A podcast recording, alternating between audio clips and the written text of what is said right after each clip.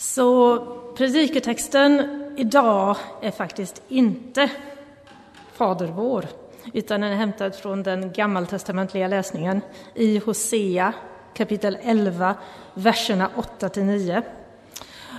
Och jag tänkte läsa texten naturligtvis, så vi vet vad vi pratar om och så vi kommer den riktigt in på livet. Så Hosea 11, 8 till 9. Hur ska jag kunna överge dig, Efraim? Ska jag lämna dig, Israel? Hur ska jag göra med dig som är Adma och låta det gå för dig som är Sebojim? Mitt hjärta vänder sig i mig. All min barmhärtighet vaknar. Jag vill inte låta min brinnande vrede, jag vill inte på nytt ödelägga Efraim. Ty jag är Gud och inte en människa. Helig är jag ibland er, och med vrede ska jag inte komma. Det här är en kort text, men den väcker många frågor, åtminstone hos mig, både om Guds kärlek och om vår gudsbild. Vi ska titta lite närmare på två aspekter som har att göra med vår förståelse av Gud. För det första, vad säger den här texten om Gud och hans kärlek till oss? Och för det andra, hur beskriver Bibeln Gud på ett språk som vi människor å ena sidan kan förstå men som å andra sidan samtidigt bibehåller intrycket att Gud är Gud och inte människa. I de här två verserna från Hosea som vi läste alldeles nyss framställs Gud som mycket mänsklig då han brottas med sina känslor. I ena stunden vill han ge efter för sin vrede och förstöra Israel. Israel har, precis i verserna innan, inte visat sig speciellt trogen Gud. Folket har ägnat sig åt otrohet, det vill säga de har tillbett andra gudar. Samtidigt har de åkallat Gud, men inte med respekt och inte med ära. Gud känner sig åsidosatt och sviken av Israel på grund av deras uppförande mot honom. Vi ser det här tydligt på andra ställen, också i Hosea. I tidigare kapitel 9, vers 3 till exempel, beskriver Gud hur han lärde Israel att gå, hur han tog hand om dem och bar runt på dem i sina armar. Gud tycker att han har gjort så mycket för Israel och att han får så lite tillbaka. Därför känner sig han sviken, besviken och arg. Samtidigt älskar Gud Israel och inser att han aldrig skulle klara av att överge dem. Gud utbrister med en retorisk fråga. Hur skulle han kunna överge Efraim? Det är bara ett annat namn på Israel. Och hur skulle han kunna lämna dem? Den här retoriska frågan har det underförstådda och förväntade svaret. Nej, Gud skulle aldrig kunna vare sig överge dem eller lämna dem. Sen nämnde Gud två namn, Adma och Seboim. Och vi ska inte ha något quiz här och se vem som vet var de här namnen finns.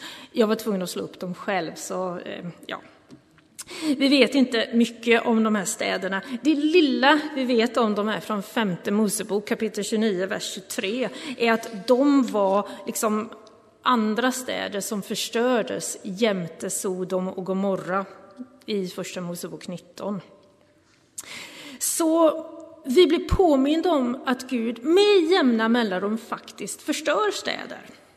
Han låter med jämna mellanrum sin vrede komma ut. Samtidigt hamras budskapet in att Gud aldrig skulle klara av, rent känslomässigt, att förstöra sitt älskade Israel. Nästa stycke i Hosea-texten beskriver hur Guds hjärta vänder sig i honom, hur all hans barmhärtighet vaknar. Hebreiskan är faktiskt ännu starkare här. De två sista orden lyder ordagrant att Guds kärlek värms. Tillsammans beskriver de här två raderna om hur Gud nästan överväldigas av kärlek till Israel. Hans känslor svämmar över och han vet inte riktigt hur hans hjärta ska kunna härbärgera alla de här starka och ibland väldigt motstridiga känslorna. Sen är det som att Gud liksom tar tag i sig och påminner sig om att han faktiskt är Gud och ingen människa. Med andra ord, som Gud borde han kanske ha lite mer kontroll över situationen. Människor saknar kontroll, men en helig Gud tar fasta beslut.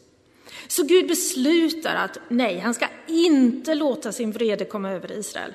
Han ska inte låta sin besvikelse och sårade känslor styra. Han ska inte låta sin ilska få utlopp, utan han ska vara den vuxne i samtalet och istället låta sin stora kärlek till Israel få sista ordet. Så i hela den här texten framställs Gud ömsom som människa som inte har full kontroll över sina känslor och ömsom som Gud som har allt under, under kontroll. Hur upplever vi den här skildringen? Till vilken gudsbild leder den? Kan och bör vi relatera till Gud som någon slags supermänniska?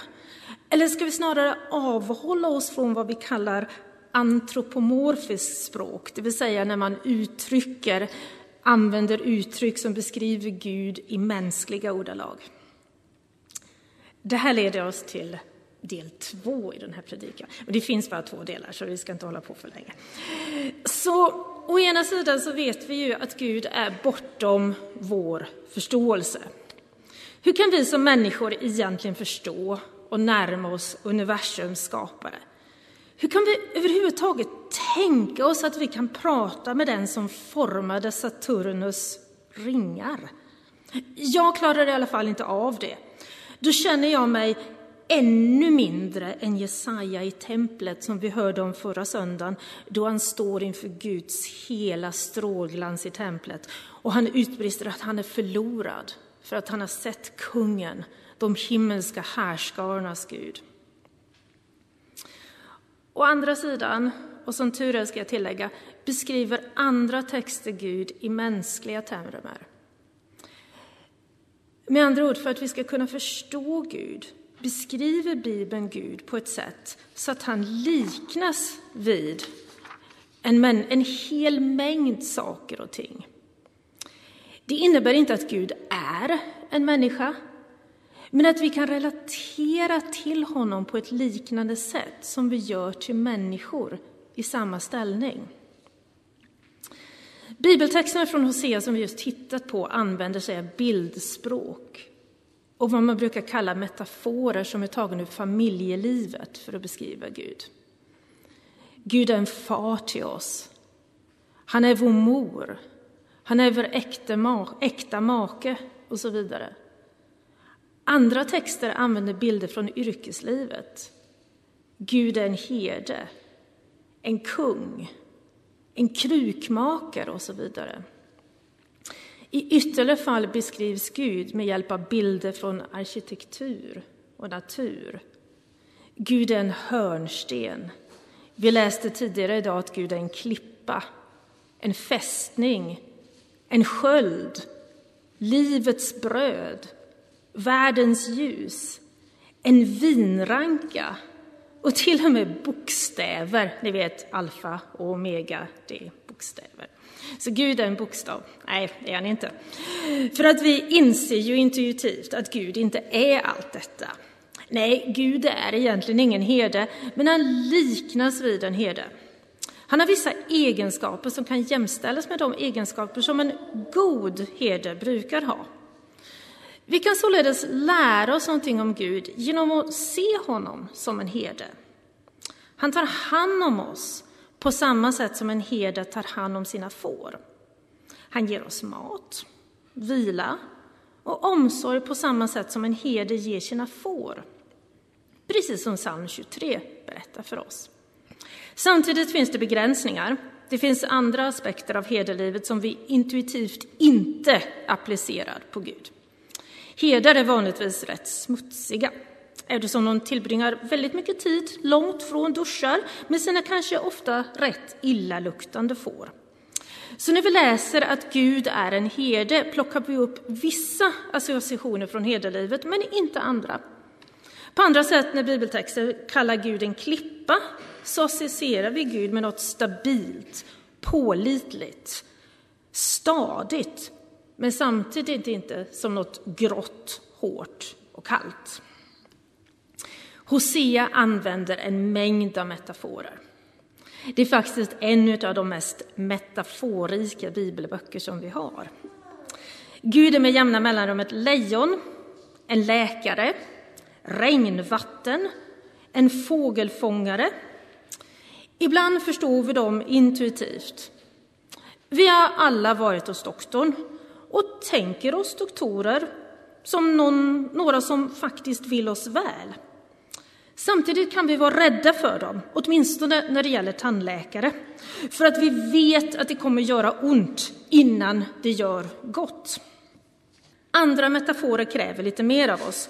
Jag personligen har inga stora erfarenheter av fågelfångare och jag måste erkänna att alla mina associationer går till Papageno i Trollflöjten och jag tror är helt övertygad om att det inte är det Hosea pratar om.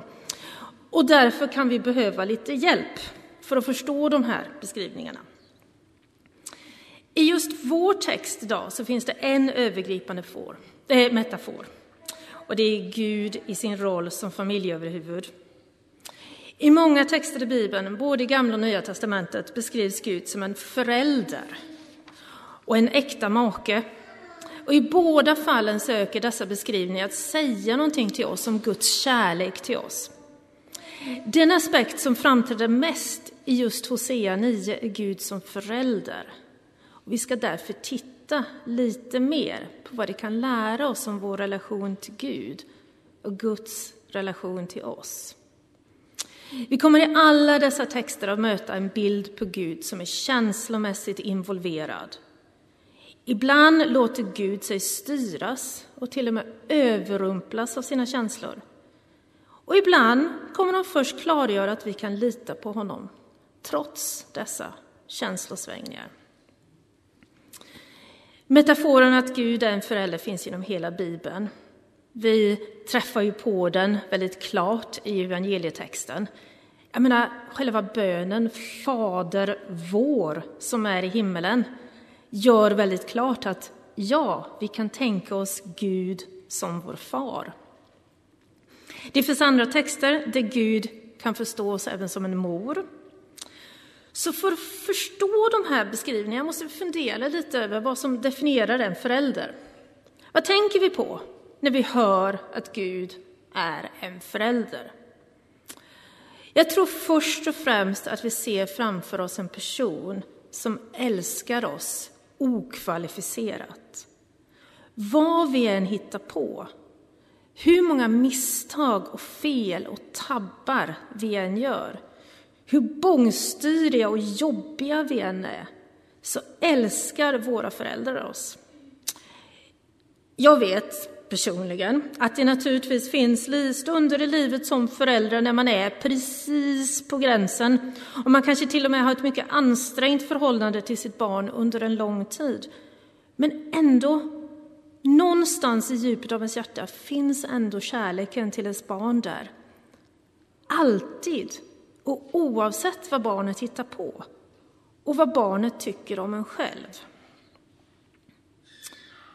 Så femte Mosebok 1.31 är en viktig text som beskriver hur Gud bär sitt folk genom vildmarken som en far bär sin son.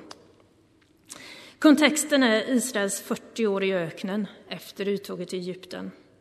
Så Gud ser när vi är trötta och bär oss när vägen syns allt för lång. Femte Mos 8.5 fortsätter att tala om Guds föräldraskap. Han fostrar oss som en far fostrar sin son. Ordet fostra här betyder inte bara att man säger åt sitt barn när det gör fel, utan man även visar sitt barn hur man gör rätt genom att vara ett gott exempel. Samma intryck får vi i texten som vi just pratade om, nämligen Hosea 11, vers 3. Ändå var det jag som lärde Efraim att gå och som tog upp det i mina armar. Gud framställs som en förälder som lär sitt barn att gå och sen när barnet är trött plockar upp det i sina armar och bär det. Han har omsorg om barnet, hjälper det att utvecklas och tar hand om det när man behöver vila. Jesaja 43.6 är en annan text som talar om Gud som förälder från något helt annat perspektiv. I den texten befaller Gud. Jag ska säga till länderna i norr, ge hit, och till södern, håll dem inte ifrån mig. För mina söner fjärran ifrån och mina döttrar från jordens ända. Jag har tänkt väldigt mycket på den här versen under den senaste månaden. På flera sätt har den utgjort själva kärnan i mina böner. Jag har nämligen en god vän och kollega, Tova, vid universitetet i Beersheba, vars son blev tagen gisslan av Hamas. I flera veckor bad jag att hennes son skulle komma levande tillbaka. Tyvärr blev det inte så. Och det har varit oerhört smärtsamt. Versen i Jesaja liknar Gud vid en förälder vars barn är tillfångataget och bortfört av en främmande makt. Vi kan känna igen oss i Guds smärta och förtvivlan när sånt sker. Men samtidigt förlita oss på att han aldrig överger oss. Även om det kan kännas så utifrån vårt mänskliga och väldigt begränsade synvinkel. Ytterligare en vers i Jesaja 49.15 beskriver hur Gud som en mor aldrig glömmer sitt barn, vad som än händer.